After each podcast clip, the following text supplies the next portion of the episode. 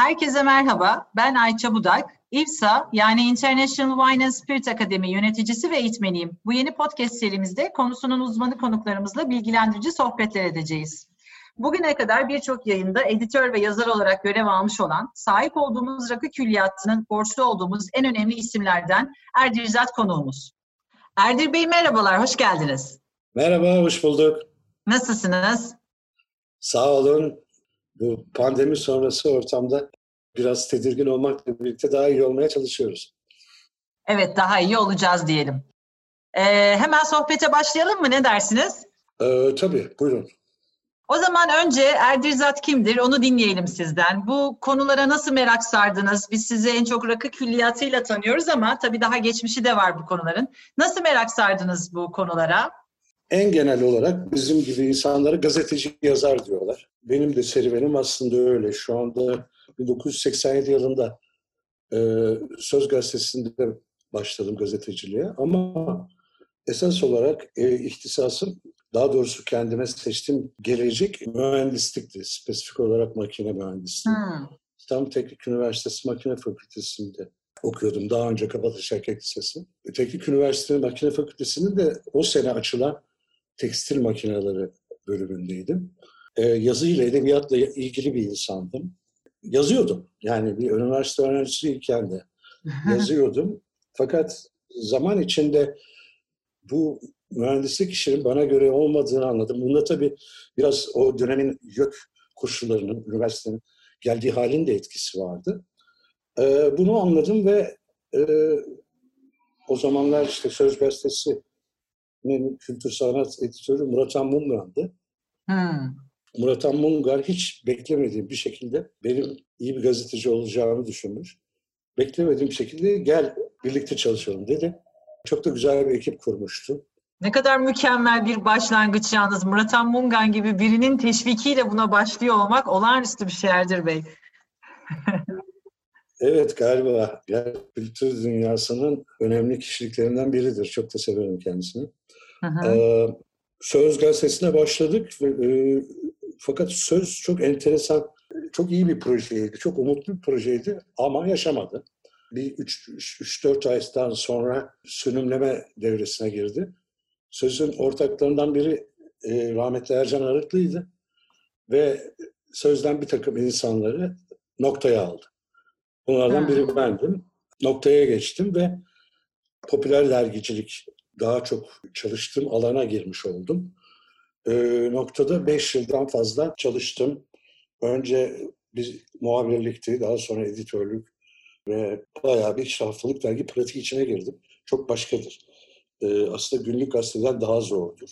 Ama bütün bu ne diyelim e, kültür ve sanatla ilgili konuları baştan sona izleme, e, bir sürü e, daha önceden öngörmediğim alana el atmak gibi bir imkan getirdi beraberinde. Hı hı.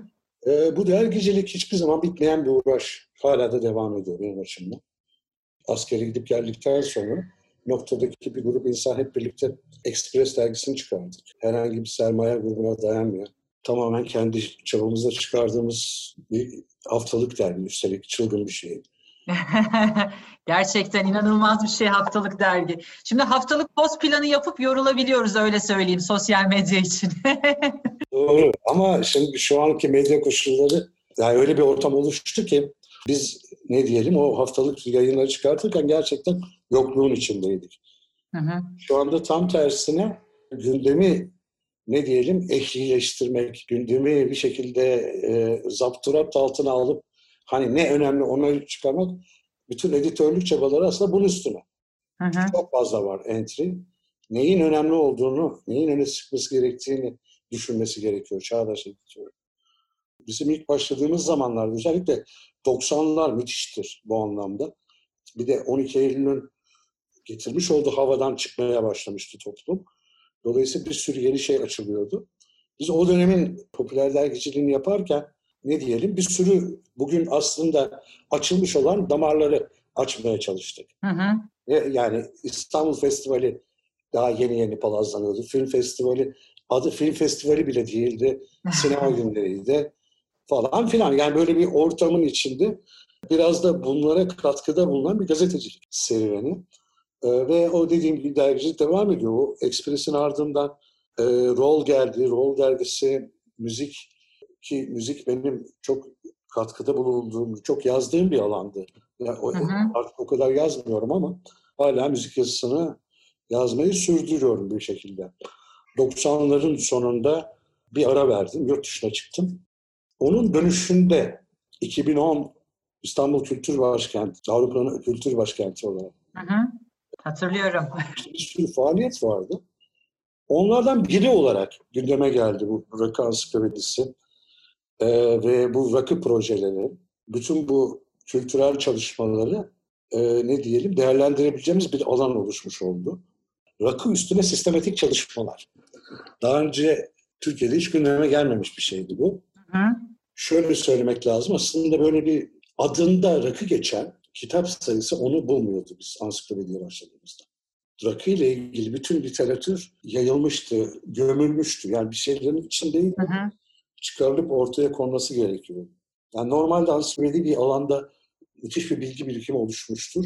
O bir, bir bilgi birikimini bir, bir jenerik kitap hazırlarsınız.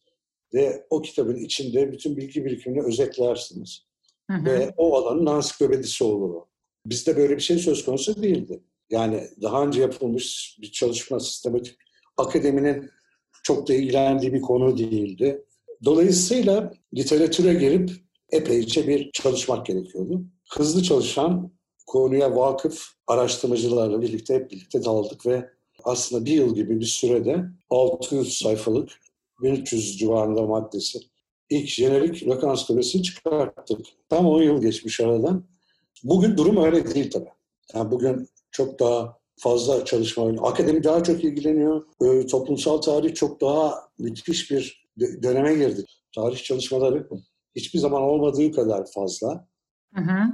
Başka türlü bir ortam oldu ama Rakı Ansiklopedisi tam da bunun başında gelen ve aslında bir tür bu tür çalışmaları da özendiren e, bir kitap oldu. Peşinden de rakı kitapları geldi. Evet peşinden şey geldi, rakı kitabı geldi, rakı gastronomisi geldi, e, meyhaneler rehberi geldi değil mi? Yani ilk etapta hatırladıklarımı söyledim ben ama. Evet dediğim bu gibi bunların hepsi şeydir, o sistematik çalışmalardır. Hı hı. Bu şey rakı ansiklopedisiyle ödül aldığınız zaman Paris'te Burman ödülünü aldık. Hı hı. Ee, bir restoranında yılın en iyi kitabı seçildi.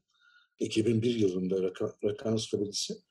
Bu ödül aldığımız sırada e, öyle bir ortama girdik ki işte yemek kitapları, e, içki kitapları bulunan bir müthiş bir fuar. Çok büyük. Ve dünyada o yıl çıkan bütün kitapları mümkün olduğu kadar bulundurma iddiası taşıyor. Onları bir arada görünce insan gerçekten çok etkileniyor öyle bir alanda. Ve şunu fark ettik ki yani bizim müthiş bir meze kültürümüz var. Çilingir sofrası gibi bir geleneğimiz var ve bu konuda hiç çalışmamışız. Evet. Ee, rakı gastronomisinin ilk tohumu öyle atıldı Paris'te. Hayır bizim buna girip bir çalışmamız lazım. Ve Türkiye'nin çeşitli yörelerini, bölgelerini, şehirlerini ve onların ortaklıklarını ve farklılıklarını inceleyebileceğimiz bir metodoloji çıkarttık ortaya. Paylaştık, araştırdık ve rakı ansiklopedisinin ardından rakı gastronomisi geldi. Ee, ansiklopedi formatında değildi gastronomi ama hı hı.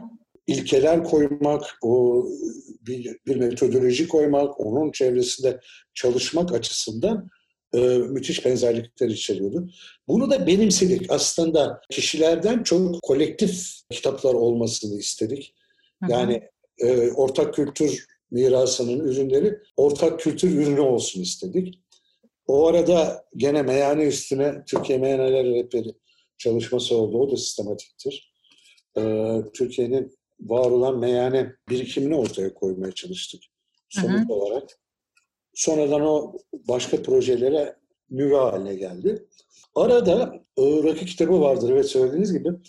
Rakı kitabı da aslında çok başka türlü bir ihtiyaç. Enteresandır o.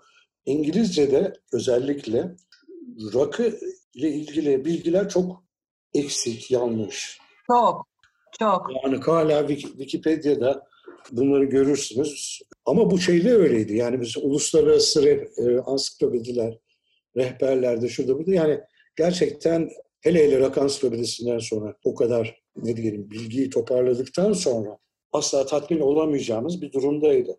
Rakı kitabı öncelikle bir e, İngilizce bir kitap olarak gündeme geldi. Daha sonra Türkçe ve Almanca versiyonları oldu. Dolayısıyla onlar üç, üç kitaplık bir proje. Ama özünde şudur, e, ansiklopedinin içinde dağılmış olan o bilgiyi bizde rewriting dediğimiz bir şey vardır yani. Alırsınız ve tepeden tırnağa yeniden yazarsınız. Ben öyle bir çalışma yaptım. Oturdum ve bambaşka bir kurgu içinde yaptığımız bu rakı ansiklopedisi sürecinde yaptığımız çalışmaları toparladım. Ortaya rakı kitabı çıktı. Aslında jenerik kitap olarak hala belli bir yeri vardır. Yani rakı ile ilgili iyi bir jenerik kitap olmayı başarmıştır rakı kitabı. Kesinlikle katılıyorum. Bir kere yani mesela rakı ansiklopedisi aslında sadece rakıyı değil, rakının ekosistemindeki mesela her şeyi kapsıyor. Yani müziği de kapsıyor, sanatı da kapsıyor, edebiyatı da kapsıyor, sinemayı da kapsıyor. Ne bileyim Zeki Müren'i de okuyor, okuyorsunuz içinde. Belki bu sizin eski müzik yazarlarınızla da alakalı olabilir tabii. Ama e, ne bileyim eski eski bir dansözü de anlatabiliyor size ansiklopedinin içinde. Rakının eski bir ismini de anlatabiliyor. E, rakı gastronomisine baktığınız zaman inanılmaz ilham verici bir kitap. Ben çok e, heyecanlanmıştım ilk çıktığında. Ee, ve zaten sonra da akademideki rakı gastronomisi yemeklerinin aslında ilham kaynağı aldı. Yani o kitaptan yola çıkıp o kitabın dışındaki şeylere de merak sarmaya başlıyorsunuz. Hani orada olmayan ama rakı ekseni etrafında ya da rakının e, o hikayelerin içinde olduğu şeylerin de peşinde koşmaya başlıyorsunuz. O yüzden bence inanılmaz referans bir kitap. Rakı kitabına gelince hani dediğiniz gibi e, rakıyı hikaye olarak bir bütün olarak dinleyebileceğiniz e, yegane kitap bence şu anda piyasadaki ve bu konuya meraklı olan insanlar varsa kesinlikle sadece rakı ansiklopedisi değil, rakı gastronomisi değil, rakı kitabını da edinmeliler diye düşünüyorum ben. Üçü de başucu kitaplarından ama rakı kitabının ayrı bir yeri var. Peki o zaman şimdi madem bu kadar rakı yazmışsınız biz size şeyi soralım. Ee, rakı nedir diye soralım. Ne zaman doğmuş? Yoksa önce distilasyona mı bakalım? Sizin bu rakı kitabında inanılmaz güzel bir kronoloji var. İşte şaraptan giriyor aslında. Milattan önce 2000'lerden giriyor. E, günümüze kadar, 2000'lere kadar getiriyor konuyu. Bu konuda gayet geniş konuşacağınızı düşündüğüm için özgür bırakıyorum sizi. Buyurun lütfen. e, rakı nedir dediğimizde aslında bugünkü rakıdan yola çıkmak, bugün rakıdan ne anladığımızı tarif etmek yardımcı olur. Üç özelliği var yasada e, özellikle vurgulanmış, belirtilmiş rakı, yapı, yap, rakı yapan üç temel özelliği. Bunlardan birincisi üzüm, ikincisi anason, üçüncüsü de özgün üretim tekniği. Hı hı.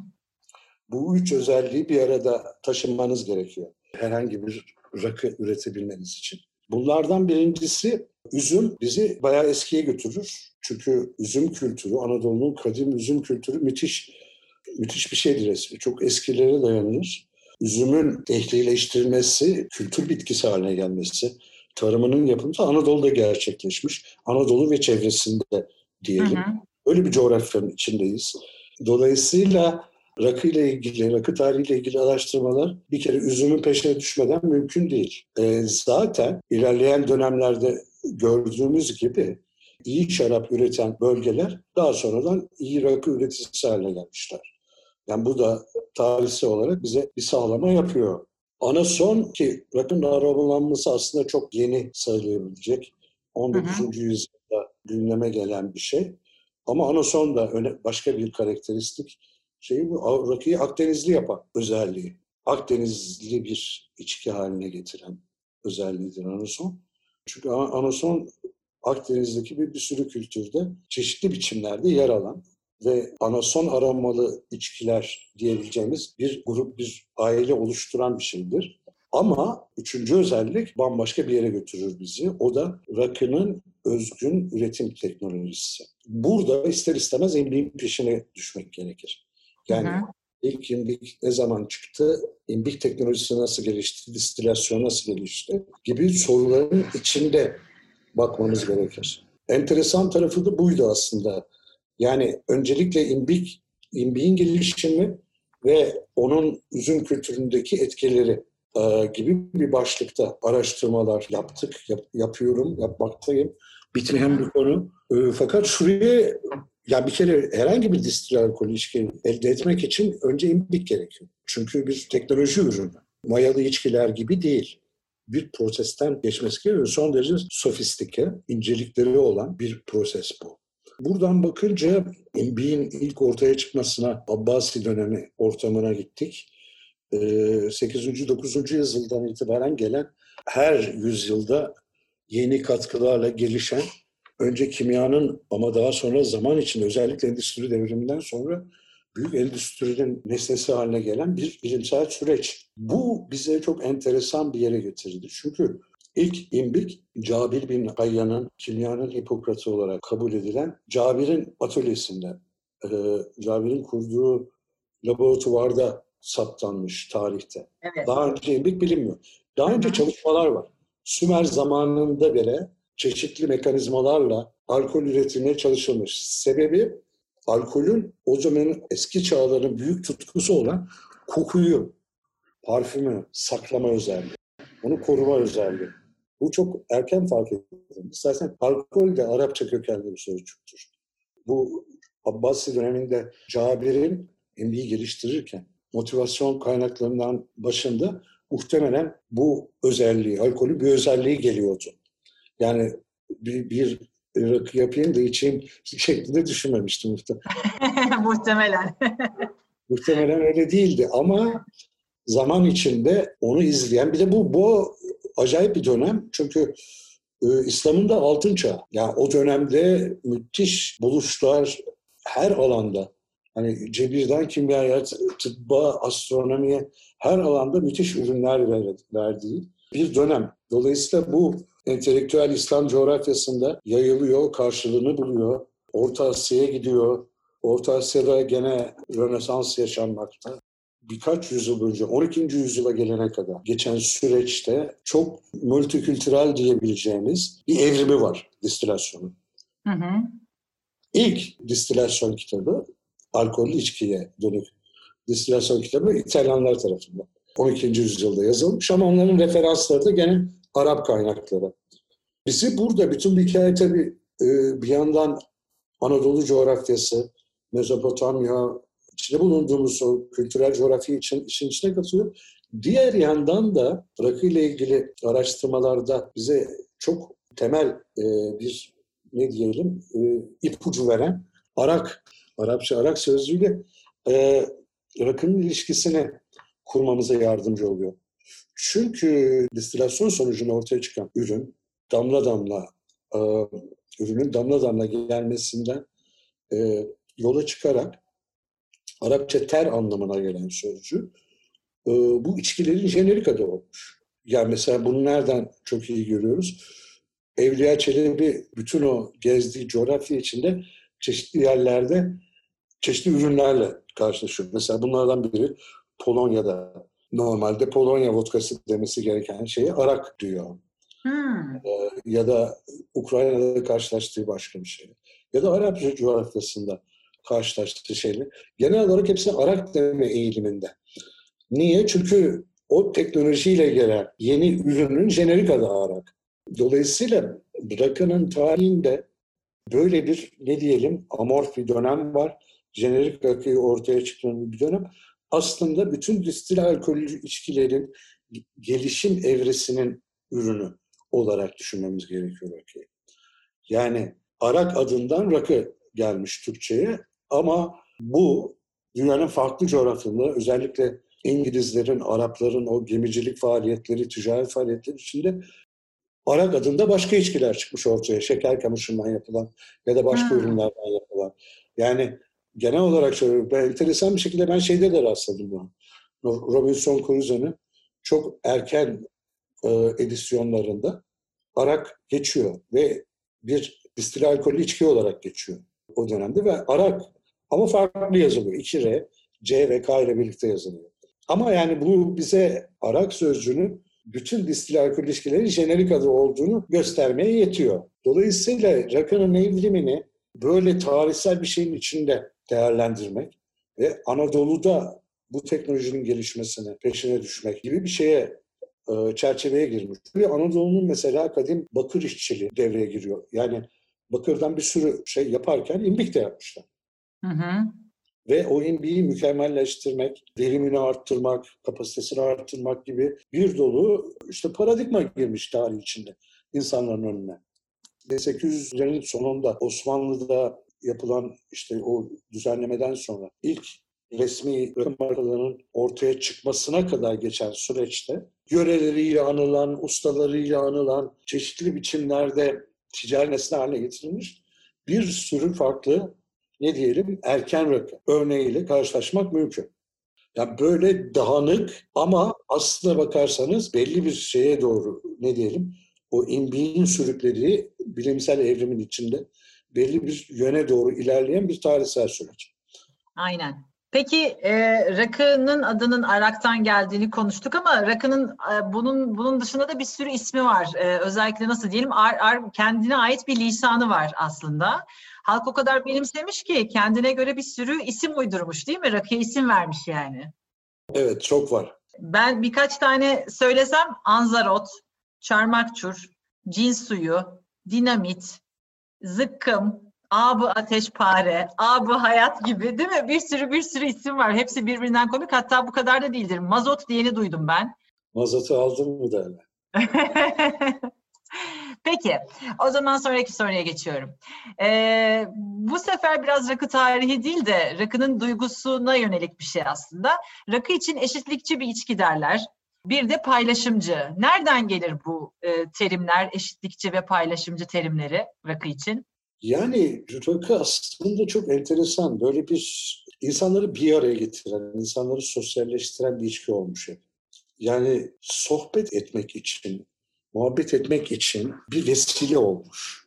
Aslında içki içmekten çok o meclisi oluşturmak, e, bunun öne çıktığı bir terbiye oluşturmuş. Rakı adabı dediğimiz bir kurallar, basit, çok da yasakçı ya da baskıcı olmuyor. Ama sosyalleşmenin gerektirdiği saygınlık ortamını oluşturmaya dönük. Böyle bir terbiye oluşmuş ve bunun Hı-hı. etrafında e, yani bu anlamda ister istemez yani zaten paylaşımcılığı örnek koymuş oluyorsunuz. Herkesin katılabileceği. Daha doğrusu sevdiğiniz, tercih ettiğiniz insanlarla birlikte hoş vakit geçirebileceğiniz. Rakının etrafında oluşturduğu kültür, rakının bir içki olarak kendisine çok daha enteresan. Ve her zaman da böyle olmuş. Bu biraz bizim topraklarımızda, e, kültürümüze sinmiş tasavvuf terbiyesiyle ilgili bir yanıyla. Bir yanıyla o çok kültürlü, çok uyruklu imparatorluklar geleneği yani Doğu Bizans, Osmanlı e, bir sürü farklı dinden, dilden insanları bir araya getiren kültürler yarattı. Ve bununla da ilişkili olmalı. Ama bu mesela belli noktalarda kaynaşıyor. Yani kozmopolit olma özelliği taşıyan yerlerde. Anadolu'nun her yerinde bunu görmezsiniz. Anadolu'ya hmm. gittiğinizde aslında tam tersi parçalanmışlıklar görünüyor. Bu tür bir araya gelmeler daha çok kentsel alanlarda ve e, ticaretin olduğu limanlarda özellikle liman şehirlerinde çok daha belirginleşir. Yani kaynama noktası, kaynaşmanın gerçekleştiği yerler. İstanbul bunun başında gelir. Tabii.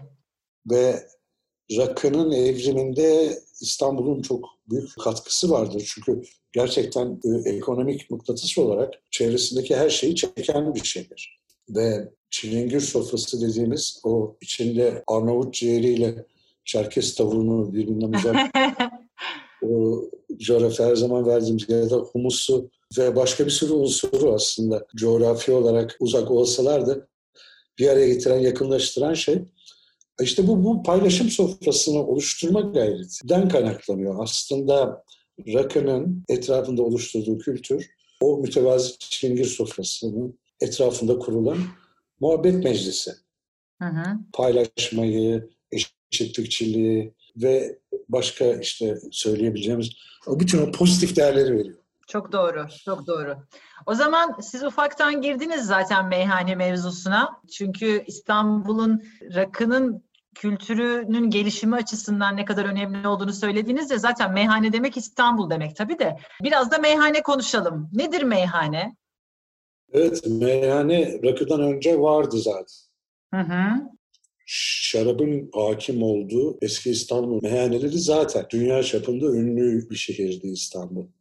Bu Osmanlı döneminde de devam etti. Dönem dönem içki yasakları gelse, meyhaneler kapansa da bu hiçbir zaman çok uzun sürmedi. Özellikle gayrimüslimler sürdüre geldikleri yaşama devam ettiler. Meyhaneler bugüne kadar geldi. Kesintisiz bir süreç olduğunu söyleyebiliriz. Ama rakının evrimi için de önemli bir şeydi. Çünkü rakı her şeyden önce bir üzüm ürünü, şarabın pür hali olarak girdi ve prestij kazandı. Hı hı. Dolayısıyla bir noktadan sonra meyhane kültüründe şarabın yanında rakının da yeri oluşmaya başlamıştı. Bunları gene Evliya Çelebi'den itibaren onun öncesinden de izleyebiliyoruz tarihte. Ama tabii meyhane kültürü en temelinde limanla, ticaretle, kültürel alışverişle ilgili bir şey. Hı hı. Eğer bir liman varsa orada meyhane de oluşuyor. İster istemez. Ve o meyhane de kendi beşeri unsurlarını bir araya getirip kendi kültürünü yaratıyor. Ee, İstanbul'un bu özelliğinden kaynaklanan bir şeyi var. Meyhaneyi oluşturmaya dönük bir ortamı var. Toplumsal ortamı var. Özellikle Eminönü ve Galata civarı değil mi? Eminönü, Galata civarı çok fazlaca meyhanenin olduğu yerlermiş zaten bahsettiğiniz liman etkisinden sebep.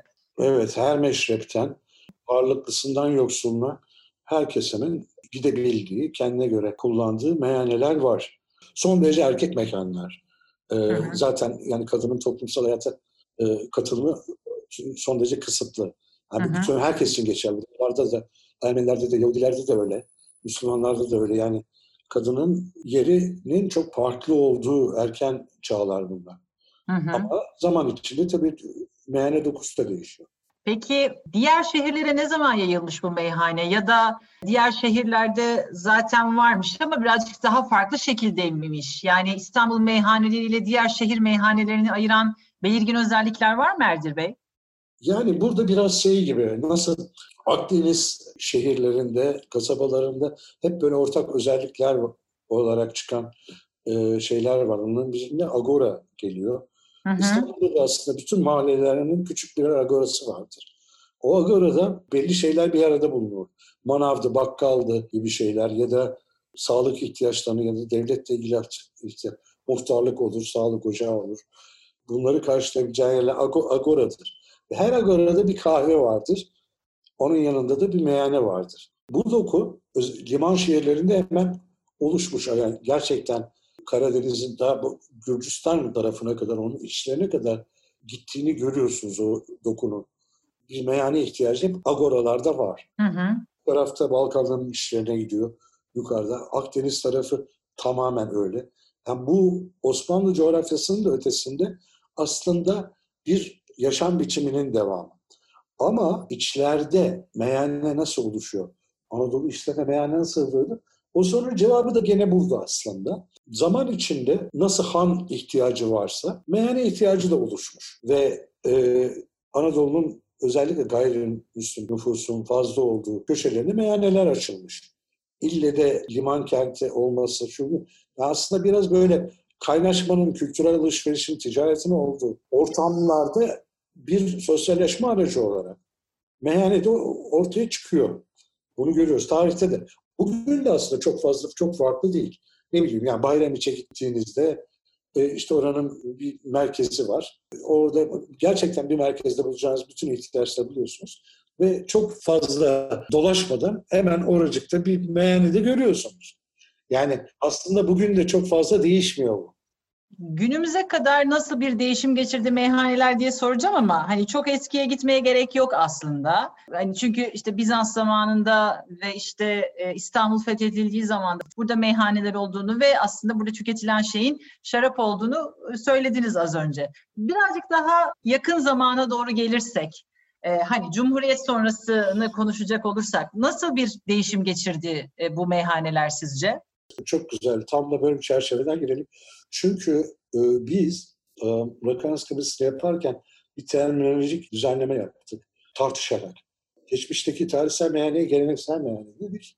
rakının girdiği masalı sandalye düzenine geçilmiş 19. yüzyıl sonu 20. yüzyıl başı Cumhuriyet'in hemen öncesi, ikinci meşrutiyet, mütareke, bütün o dönemlerde hala hazırda gelişmekte olan o meyhane, rakılı meyhane, klasik meyhane dedik. Dolayısıyla meyhanenin klasik dönemi dediğimiz böyle bir dönem. Bu Cumhuriyet'le birlikte klasik meyhane yerleşmişti. Evrimini tamamlamıştı. Hı hı. Zaten gastronomisinin gedikli mezelerini saptarken bir tek şey yaptık. 100 yıl önceki kaynaklarda geçen mezeleri saptadık. Süper. 100 yıl önce bu meze varsa demek ki artık yerleşmiştir. Gezikli, gedikli mezedir dedik. Ve klasik meyhanelerde bunların mesela yerleşmiş olduğunu. Bazı mezeler şeydir. Diyelim mesela e, fasulye plakisi ta şaraplı zamanlara kadar gider. Evet. Fava da öyle. Evet bazı şeyler hıyar turşusu, lahana turşusu Aynen. çok eskiye gidiyor. Aynen. Yani şarabın yanında bugün mesela turşuyu şarapla ilişkilendiremezsiniz ama o zamanlar ki o zaman şarabı da biraz aslında sirkeye yakın Aynen. e, tadı olan farklı bir şey. E, demek ki böyle bir ekşi merakı var. Demek ki. E, ama Cumhuriyet döneminde o klasik meyhane dediğim şey bütün bu elementleriyle birlikte olgunlaşmıştı. Ve onu gösteren sofra takımları vardı. Yani mesela o küçük bardaklar, küçük kadehler, küçük su bardakları, karafaki, sürahi, kendi meze kaseleri, meze tabakları ile yani bayağı tam teşekküllü bir hale geldiğini görüyoruz. Bu süreç içinde oluşmuş fakat tamamen o sineli, tabureli, eski geleneksel meyhane düzeninden çağdaş e, masalı, sandalyeli düzene geçişi. Hı hı. Aslında bugün gördüğümüz meyhane ortamı ortaya çıkmış. Hı hı. Yani dolayısıyla bunu 150 yıllık bir geçmiş içinde değerlendirmek mümkün. Ve içinde rakı var. En önemli farkı o. Hı hı. Şaraptan çok rakının öne çıktığı mekanlar. Fakat zaman içinde bu değişiyor. Rakının kuvveti, kadehleri, her şeyi değişiyor. Bu da tamamen teknolojiyle ilgili. Buzdolabının girmesi, elektriğin gelmesi ile birlikte eskiden limonata bardağı olarak bilinen bardakların rakı kadehi haline gelmesi. Bugün onları kullanıyoruz rakı kadehi olarak çünkü buz var. Ama o zamanlar buz yok, karlıklar var. Karlıkların içine saplanan kadehler var. Karlıkların içinde soğutulan kadehler var. Kar diye bir şey. evet değil mi ya? Bir şey var yani karcı esnafı var. Yani bu ve bu bayağı eski. Çünkü e, zamanında Uludağ'dan kar getiriliyor. Bu karlar iyice dövülerek sıkıştırılıyor, talaşlanıyor ve gömülüyor toprağa. Vay. Yazın kar ocağı adı verilen yerler baca gibi açılıyor ve onun içinde iyice buzlaşmış kar yavaş yavaş alınıyor. Bütün yaz kullanılmak üzere. O yüzden dondurma yapabiliyorsunuz. Bütün işte şıraları, şerbetleri, meşrubatları o zamanlar şeyde şişeden kapağı açılıp içilen değil şey, meşrubatlar. Meşrubatı da ayrıca yapmanız Tabii. lazım. Bütün onları soğutma imkanı. Böyle bir şey var. Kar kültürü var. Hı hı. Bu klasik meyhanelerin ilk ilk meyhanelerde bunu görüyoruz. Yani her masada meze tabakları aslında daha az yer kaplıyor. Ve o zamanlar mezeler bugünkü gibi bol verilmiyor. Yani hep küçük küçük hep tadımlık geliyor. Hı hı. Ve masada esas yer kaplayan koca bir kar çanağı. kar çanağı içine, içine saplanmış kadehle başka türlü bir kültür. Evet. Ee, ama şey değil, temel değişmiyor. Soğuk içilen bir içki rakı. Ve onun soğuk içilebilmesi için ne diyelim kar, karcı esnafı diye e, bir esnaf değil mi? yıllarca ekmek yemiş. Biraz buradan bakmak lazım ama teknolojiyle birlikte, ihtiyaçlarla birlikte. Sofra takımlarının değişmesi mesela bir başlı başına bir şeydir. E, varlıklı sofralarda çok daha iyi porselen tabaklar görürsünüz. İşte ne bileyim koltuk meyhanelerinde kaba porselen tabaklar vardır. Ne bileyim bazı yerlerde işçi kesiminin gittiği kaçak çalışan aş evlerinde bayağı kalın kadehler vardır. Yere attığınızda bile kırılmaz. Kıramaz. Kıramaz. Fırlatmanız gerekir. O kadar o kadar şeyler. Ama ne bileyim böyle kibarların gittiği yerlerde hani son derece ince, narin hı hı. kadehlerden içilir. Alabildiğine geniş bir yelpaze koyabilirsiniz ortaya. Klasik meyhanelerin ortak özellikleri ya aslında geleneksel meyhane için de geçerli olan şey çok kültürlülüğü yansıtmaları.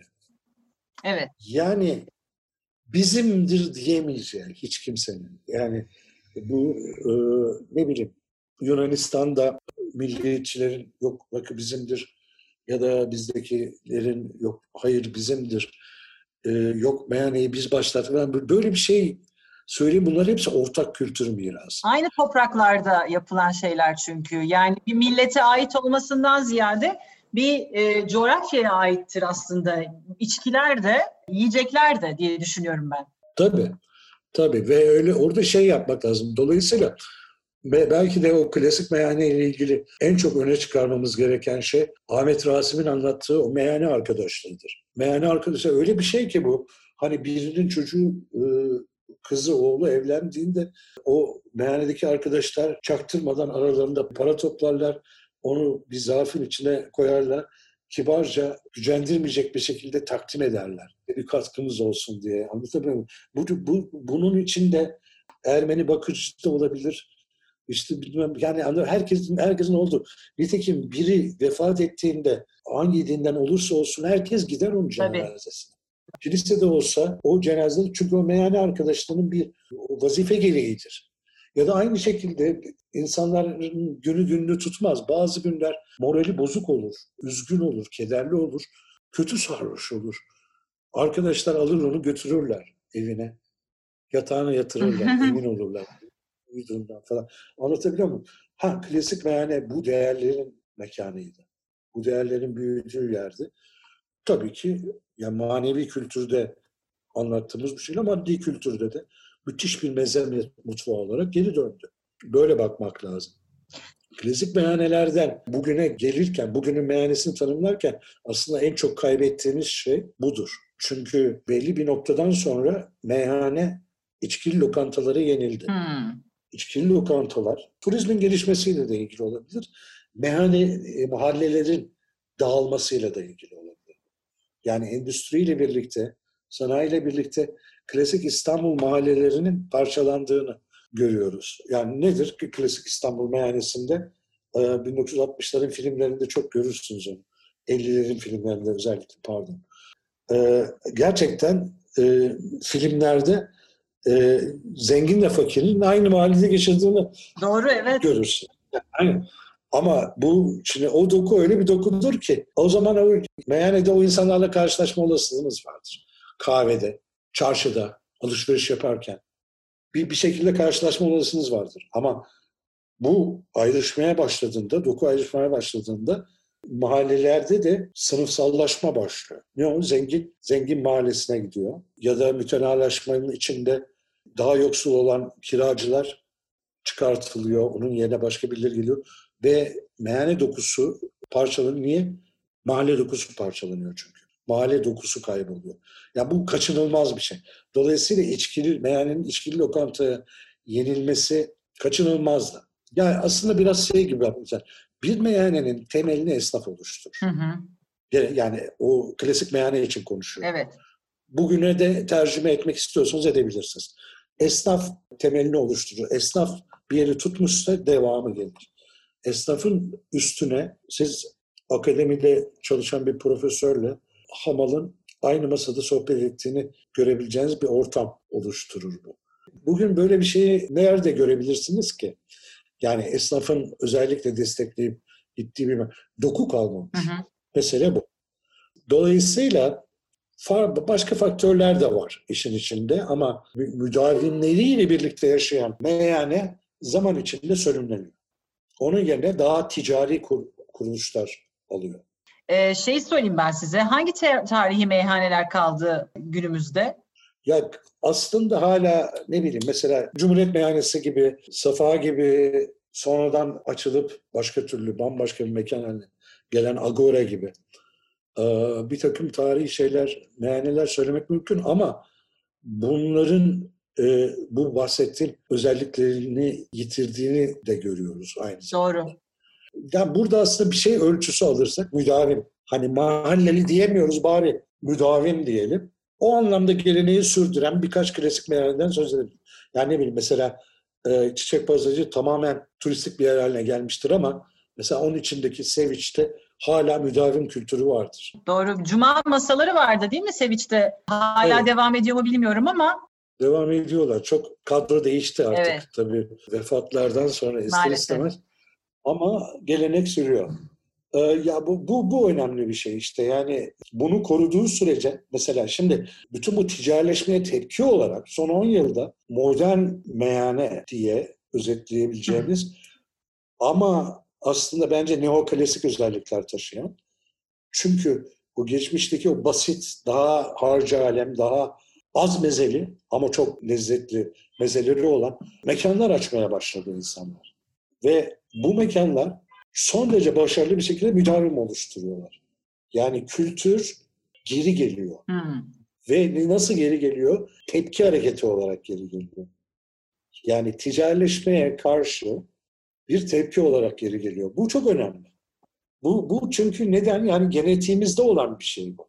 Yani biz meyhanede bir masaya oturduğunda, çilingir sofrasına oturduğumuzda yemek yemeye oturmuyoruz. İçki içmeye de oturmuyoruz. O bir sosyalleşme biçimi. Kesinlikle. Bir de şey söylediğiniz şey çok doğru. Yani müdavimlik çok önemli. Müdavimin de müdavim olabilmesi için esnaf çok önemli. Yani o meyhaneye ben gittiğimde beni aynı kişinin karşılıyor olması, aynı garsonun servis veriyor olması, benim neyi sevdiğimi, neyi sevmediğimi biliyor olması o aidiyet hissiyatını geliştiriyor aslında. Şimdi birazcık dünyanın böyle çok globalleşmesiyle işte sosyal medyayla ve benzeriyle bir sürü yeni açılan yerden haberdar oluyor insanlar ve her seferinde e, hani zaten vakit zaman sorunu var insanların ve herkes başka bir yerlere gitmeye çalışıyor ama o zaman da o aidiyet kısmı kayboluyor gibi geliyor bana. E, ben de o müdavimliğin e, ve dediğiniz gibi esnafın gerçek meyhane kültürü için vazgeçilmez olduğunu düşünüyorum. Belki sadece meyhane kültürü için değil ne bileyim bu bir esnaf lokantası için de adı üzerinde zaten Aynen. E, önemli Aynen. olan şeydir. Yani esnaf lokantasında siz gidip yemek yediğinizde ya bizim mesela Şişli'de bir tane vardı. Cumaları talaş böreği yapardı. Ee, ve e, eğer biz gitmemişsek, geç kalmışsak bize talaş böreği yerirdi. Bilirdi o cuma günü o talaş böreğini yemeye gideceğimizi. Hani bu kadar e, samimi bir ortam. Ne bileyim annen, baban, kardeşin falan gibi bir şey haline geliyor. O yüzden zaten müdavimlik de, esnaflık da bence çok önemli. Dediğiniz gibi yani bir mekanın devamlılığını sağlayan şey, samimiyetini sağlayan şey kesinlikle onlar. Bir soru daha e, gene meyhane ile ilgili. Kaybolan ama zamanında efsane olan meyhanelerden birini dinlesek sizden hangisini dinleriz? Benim aslında en çok merak ettiğim, içinde olmayı isteyeceğim ya Lambo vardır tabii. evet bence de. yani gerçekten e, bir bir tramvay kadar diye. yani yanındaki şeyi düşünün. E, bir tramvayı Kırmızı düşünün. Tramvay. O tramvay vagonu kadar küçücük bir yer. Fakat hani şey der ya zamanda şair merhane için dünyanın merkezidir. Bu Cumhuriyet döneminde özellikle Cumhuriyet'in de böyle en genç Cumhuriyet döneminde bütün sanat edebiyat çevirilerinin, aydınların sıkıştığı böyle bir acayip bir ortam. Gerçekten dünyanın merkezi gibi. Yani böyle bir o mikrokozmostan bütün evreni e, anlamaya çalışmışlar. Yani Said Faik'ten, Orhan Velilerden başlayın. Bütün Rıfat Ilgazlar falan ben akla gelebilecek dönemin bütün edebiyatçılarının geçtiği bir ortam. Lambo çok merak edilir. Lambo'nun tam karşısında Lambo'dan daha yaşça genç Lefter var. Hı hı. Orayı da çok merak ederim. Orada olmak. Lefter'e gittik biz. Biz yakaladık ama Lefter gitmişti. Ha. Lefter 1964 kararnamesinden sonra aslında Lefter kalabilirdi ama eşinin sınır dışı edilmesi söz konusu. Böyle bir ayrımcı yasa çıktı. Maalesef. Lefter de karısını bırakamayacağı için üzülerek terk etti. Aslında bir İstanbul çocuğu. Tabii. Yani hepimiz kadar seviyor. Hepimizden belki daha fazla seviyor bu şey. Yani bu şehrin kültürünü sırtlayıp götüren adam gitti. Bu kuşak o 64 kararnamesinden sonra ciddi bir Rum meyhaneci kaybına uğradı bir yolda. Evet. Ama onlar da işte Refik'in, Yakup'un geldiği yeni meyhaneci kuruluş. Onlar Refik, Yakup gibi insanlar Rum meyhanecilerin çırağıydı, hı hı. kalfasıydı. Sonra usta oldular ve geleneği bir şekilde sürdürdüler. Layıkıyla da sürdürdüler aslında. Kesinlikle Bu katılıyorum. yakınlarda Refik kapandı. Yakup bambaşka bir yer haline geldi. Daha çok büyük bir yer haline.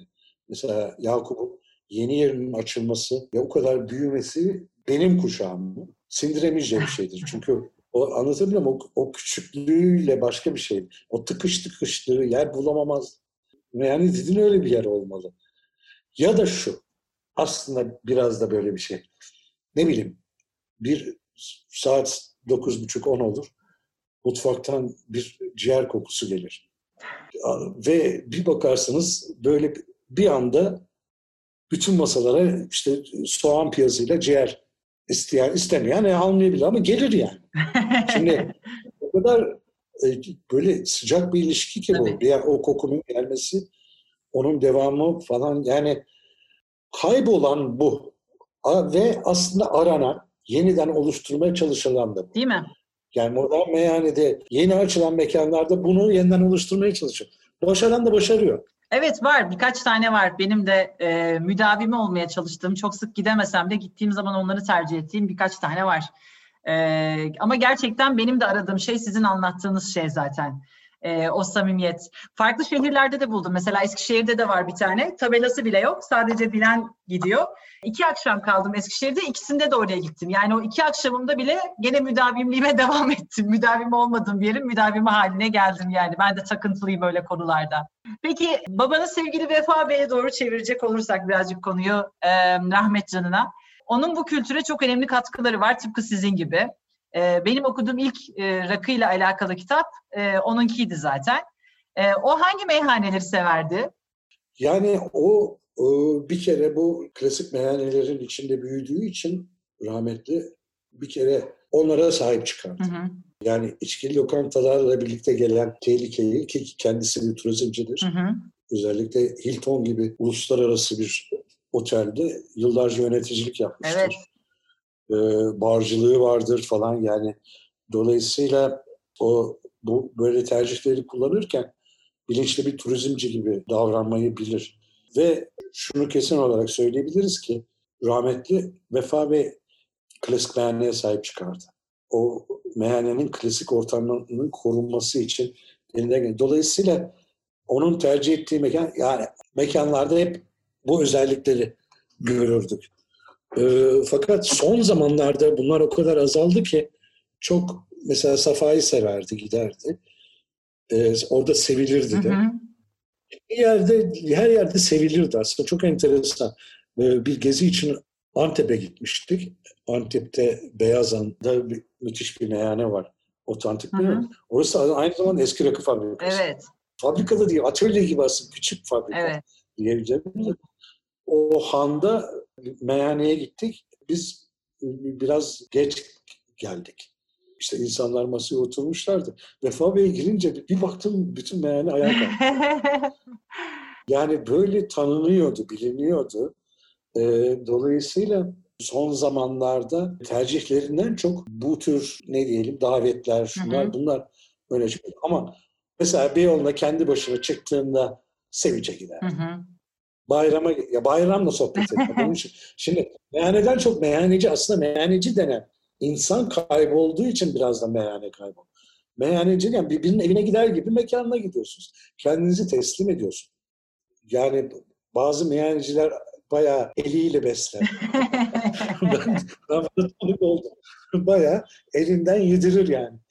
Ee, şimdi yani bugün düşünebiliyor musunuz bir böyle lokantası eliyle size bir şey yedirmek? Tahayyül dahi edemezsiniz. Fakat meyhaneciler işte böyle insanlar. Doğru. Bunu yaparlardı. Yani meyhanecinin elinden gelen yaprak dolmasını sarma diyorlar ama eskiden yani İstanbul Jargon'da dolma diye geçer. Yaprak dolmasını bayağı yedirir eliyle. Böyle bir şey. Şimdi bu sıcaklığı tercih ederdi. Daha çok şeyi severdi. Yani mesela Samatya'nın ortamını. Hmm. Yani Samatya'da herhangi bir meyhanede olmak çok. Samatya'nın kendisine olmak ya da Kumkapı'da olmak. Dolayısıyla mesela Agob'u severdi. Kumkapı'da Minas onların kuşağı. Hı hı. E, Minas önemlidir. Minas'ı severdi. Biz yetişemedik Minas'a e, el değiştirmişti ama onlar çok anlatılır. Edebiyatta da çok geçer. Onun dışında İstanbul'un böyle e, şey dokusu vardır. Böyle gerçekten kendine özgü koltuk meyhaneleri. Demin anlattığımız o esnaf meyhanesi mesela bir saatten sonra tezgah altından çıkan aslında içki ruhsatı olmadığı halde rakı, rakı dağıtılan bir anda bir esnaf şey koltuk meyhanesi haline gelir. Hı hı. Esnaf lokantı. Böyle harcı alem bir İstanbul hayatı içinde e, mesela böyle el arabasıyla dolaşan meyhaneler vardı. Böyle bayağı bebek arabası gibi arabanın içi. Meze orada bir anda açılıyor, kapanıyor. Böyle meyhaneler ya da e, bir karavanın içinde tek bir karavan ve tek masa. Tek masa ve o zamanlar çok böyle sosyetik bir meyhane haline bile gelmiş. Mesela karavan bezinin karavanı. Böyle böyle yerleri severdi baba. Bunları bulur çıkarırdı. ve onlara mesela e, alır sizi bir yere götürürdü. Götürdüğü yerde o işte absürt ortamın içinde vay Vefa abi hoş geldin falan gibi tanınırdı o ne bileyim e, balıkçı meyhaneleri. Mesela balıkçı meyhanesi hiç kalmadı. Hiç hiç yok gerçekten. Çünkü balık lokantasıyla alakası olmayan bir şey. Balıkçıların gittiği kahve gibi bir yer. Hiçbir e, ne bileyim böyle lüks belirtisi olmayan, doğru dürüst sandalye masa bile olmayan ortamlar, balıkçılar gidiyor. Ama balığın en iyisi pişiyor. Evet. İşte çay bardağında geliyor rakı. Orada doğru dürüst bir masa bile kurulmuyor. Ortadan işte elle bir şeyler, yeşillikler atılmış. Bir, bir turp alıyorsunuz falan. Babam daha çok bu ortamların adamı. Bunları bulur. Şimdi Rakı Ansiklopedisi'nde ilk kez okuduğum, yani muhtemelen bildiğimiz ama hani böyle hiç konuşmadığımız bir konu ama Rakı Ansiklopedisi'nde bir madde olarak da gördüğümde çok e, şaşırdığım bir şey var benim. Meyhanede kadın tabusu diye. Bu konu ve sonrasında çerçevesi, çevresinde okuduklarım da çok şaşırtmıştı beni. Sizden dinlesek bu meyhanede kadın tabusunu. Yani çok evet e, önemli bir e, dönüşüm aslında o e, söz konusu olan şey. Çünkü meyhane çok maço, çok erkek bir yer. Yani tarih boyunca öyle. Fakat kültürel dönüşüm de bir yandan ilerliyor. Dolayısıyla meyhane gibi bir kaynaşma ortamından kadınların mahrum kalmasını dönemin aydın kadınları kabullenemiyorlar. Özellikle Krepen pasajında hı hı. işte demin bahsettiğimiz bayramın yeri gibi hı hı. işte neşe bayramın yeri. O bayram daha sonra sevinç açtı. Evet. Şey. Gene işte yani meyhanecinin öne çıktı. Lefter olsun. Lefter de böyle bir yer. Kadınların gittiği yerlerden. Krepen pasajındaki, çiçek pasajındaki meyhanelere gitmeye başladılar. Hatta Dürnev Tunaseli bu neşe meyhanesini ofis gibi kullanmaya. Müthiş. Bayağı ha, onu orada böyle kendisi e, TRT'nin çok özel spikerlerinden biri. Müthiş bir ses. Hı hı. Bakımlı, alımlı, hoş bir kadın. Ve meyhaneyi ofis haline getirmiş. Hı hı. Yani böyle böyle böyle bir tavırla kadınlar meyhane hakkını elde ettiler. Hı hı. Bunun işte Leyla Erbil çok güzel anlatır aslında. Tuhaf bir kadını o meyhanedeki maço ortamı, o erkekse ortamı çok güzel tasvir eder. Hmm. Bunu o kuşağın aydın kadınları, Dürnev Tunaseli olsun, Leyla Erbil olsun, Tomris Rüyar olsun, Sevin Burak olsun, daha bir uzun bir liste çıkabilir. O kuşağın aydın kadınları kırdılar. Rahmetli Senur abla bizim Rakans Kabilesi'nde birlikte çalışma fırsatı bulduk. Senur Sezer çok güzel anlatırdı bunu ama yani oradan çok somut bir şey var. E, leftere gidiyor kadınlar. Kadınla erkekli masalar oluşmaya başlamış. Çünkü erkek arkadaşları da hı hı. istiyorlar kadınlar o masada olsunlar. Ama meyhanenin müdavimleri protesto etmiyorlar. Buraya kadın gelmeye başladı. Çünkü rahat konuşamayacaklar, çünkü küfürlü konuşamayacaklar. Ama onun da ötesinde bir maço bir enerjiyle reddetme var. Mekan değiştirmeye başlıyor. Böyle bir çatışma çıkıyor ortaya. Ama kadınla erkekli masalar oluşmaya başlıyor. Defterde bir gün yani bu çok net olarak şey. Murat Belge de yazar bunu. E, tuvalete gidecek kadınlar ama tuvalet olarak sadece bir pisuvar konmuş. ya oraya bir kadının girebileceği dahi düşünülmez. Tabii. Ve o kadınlar oradan çıkıp etraftaki işte daha Fransız lokantası, hı hı. alafranga yerlerde kadın tuvaleti bulan yerlere gidip geri gelirlermiş. Çok böyle bir acayip bir dönem. Yani ne, düşün ne kadar maço ortam. Kesinlikle. Ama kadınlar meyhane hakkını, meyhanede bulunma hakkını bizzat kendileri gidip meyhaneye oturarak rakılarını söyleyerek kazandılar. Yani bunu, bu, bu çok acayiptir. Bugün mesela böyle bir şey düşünmeyiz bile. Bu meyhaneye girdiğinizde rakısını açmış sohbet eden iki kadın görür, görürsünüz bugünün meyhanesinde. Hiç erkek olmadan bütün gece iç dökerler birbirine. Şahane bir şey. Yani. Çok. Ama işte bu kolay olmadı. Kazanıldı. E, kazanılmış bir hak da kolay kolay verilmez. Kesinlikle katılıyorum. O cesur kadınlara büyük teşekkür borçluyuz biz o mücadeleyi verdikleri için. Ee, her birini en önemlilerini siz tek tek andınız burada ama e, eminim daha fazlası da vardır o cesur kadınların. Demin kadehten konuştuk ama ben başka soruyu atladım. Unuttum şeyi konuşma. İşte küçük kadehlerden büyük kadehlere doğru geçiyoruz ama merak ettim. Siz ne tür kadehi tercih ediyorsunuz rakınızı içerken? Bu şeyden günümüzün rakı kadehi yani eski limonata barda zaten e, bir şey realite. Gittiğimiz her yerde önümüze konuyor. Mecburen oradan evet. devam ediyoruz. Ama tercih hakkım olduğunda e, ben şunu keşfettim ve tavsiye ederim aslında. E, kadehi küçültmek hazzı artırıyor. Yani daha kontrollü gidiyorsunuz. Daha tadına varıyor. Dolayısıyla bir şey buldum kendime. Leylek boynu. Hı hı. Yani onun içine duble hesabıyla olmaz. Yani tek alıyor zaten. Tabii. Tek alıyor. Kendi meşrebinize göre suyunuzu da ona göre ayarlıyorsunuz. Ama hem soğuk kalıyor. Ben bu çok başka bir önemli faktör. Hem de başka bir periyodu var. Periyodu farklı. Hı hı. Ve o periyot özellikle paylaşıldığında masadaki herkes e, leylek boynu içtiğinde masadaki muhabbete de bir tempo, bir ritim katıyor. Dolayısıyla bir deneyim olarak tavsiye ederim. Yani çünkü öteki harcı alem rakı kadehleri kaçmıyor. Evet. esas, esas kaçan fırsatlar bu tarafta. Yani çağdaş rakı zevkine hitap edebildiğini düşünüyorum. Ama daha küçük kadehlerde zannetmiyorum. Hı hı. Daha küçük kadehler belki yolluk olarak e, hayatımıza yeniden girebilirler. Belki ya, öyle bir öyle bir hakları, şansları var. Leylek boynu benim de çok sevdiğim bir kadeh. Eğer ben de o bahsettiğiniz büyük limonata bardağı olan kadehlerde etmek zorunda kalırsam bu arada ben de tek e, kullanırım mutlaka. Yani birebir ölçü koyarım ama tek koyarım. Gene ısınmasın diye. Çünkü içine buz atmak istemiyorum. Zaten rakım soğuk e, ve suyum soğuk. Yani rakı kaçmıyor, şişe orada dediğiniz gibi paylaşım içkisi. Tek tek içmek e, benim çok daha hoşuma gidiyor. E, dediğiniz keyfi de arttırdığını düşünüyorum ben aynı şekilde ama son zamanlarda e, Paşa Bahçe'nin ürettiği leylek boynuna benzeyen kadehler var. E, çok güzel evet çok da güzel kadehler. Onları kullanıyorum ben de. Aynen ben de. E, sona doğru yaklaşırken e, Erdir Bey, e, kimlerle rakı içmeli?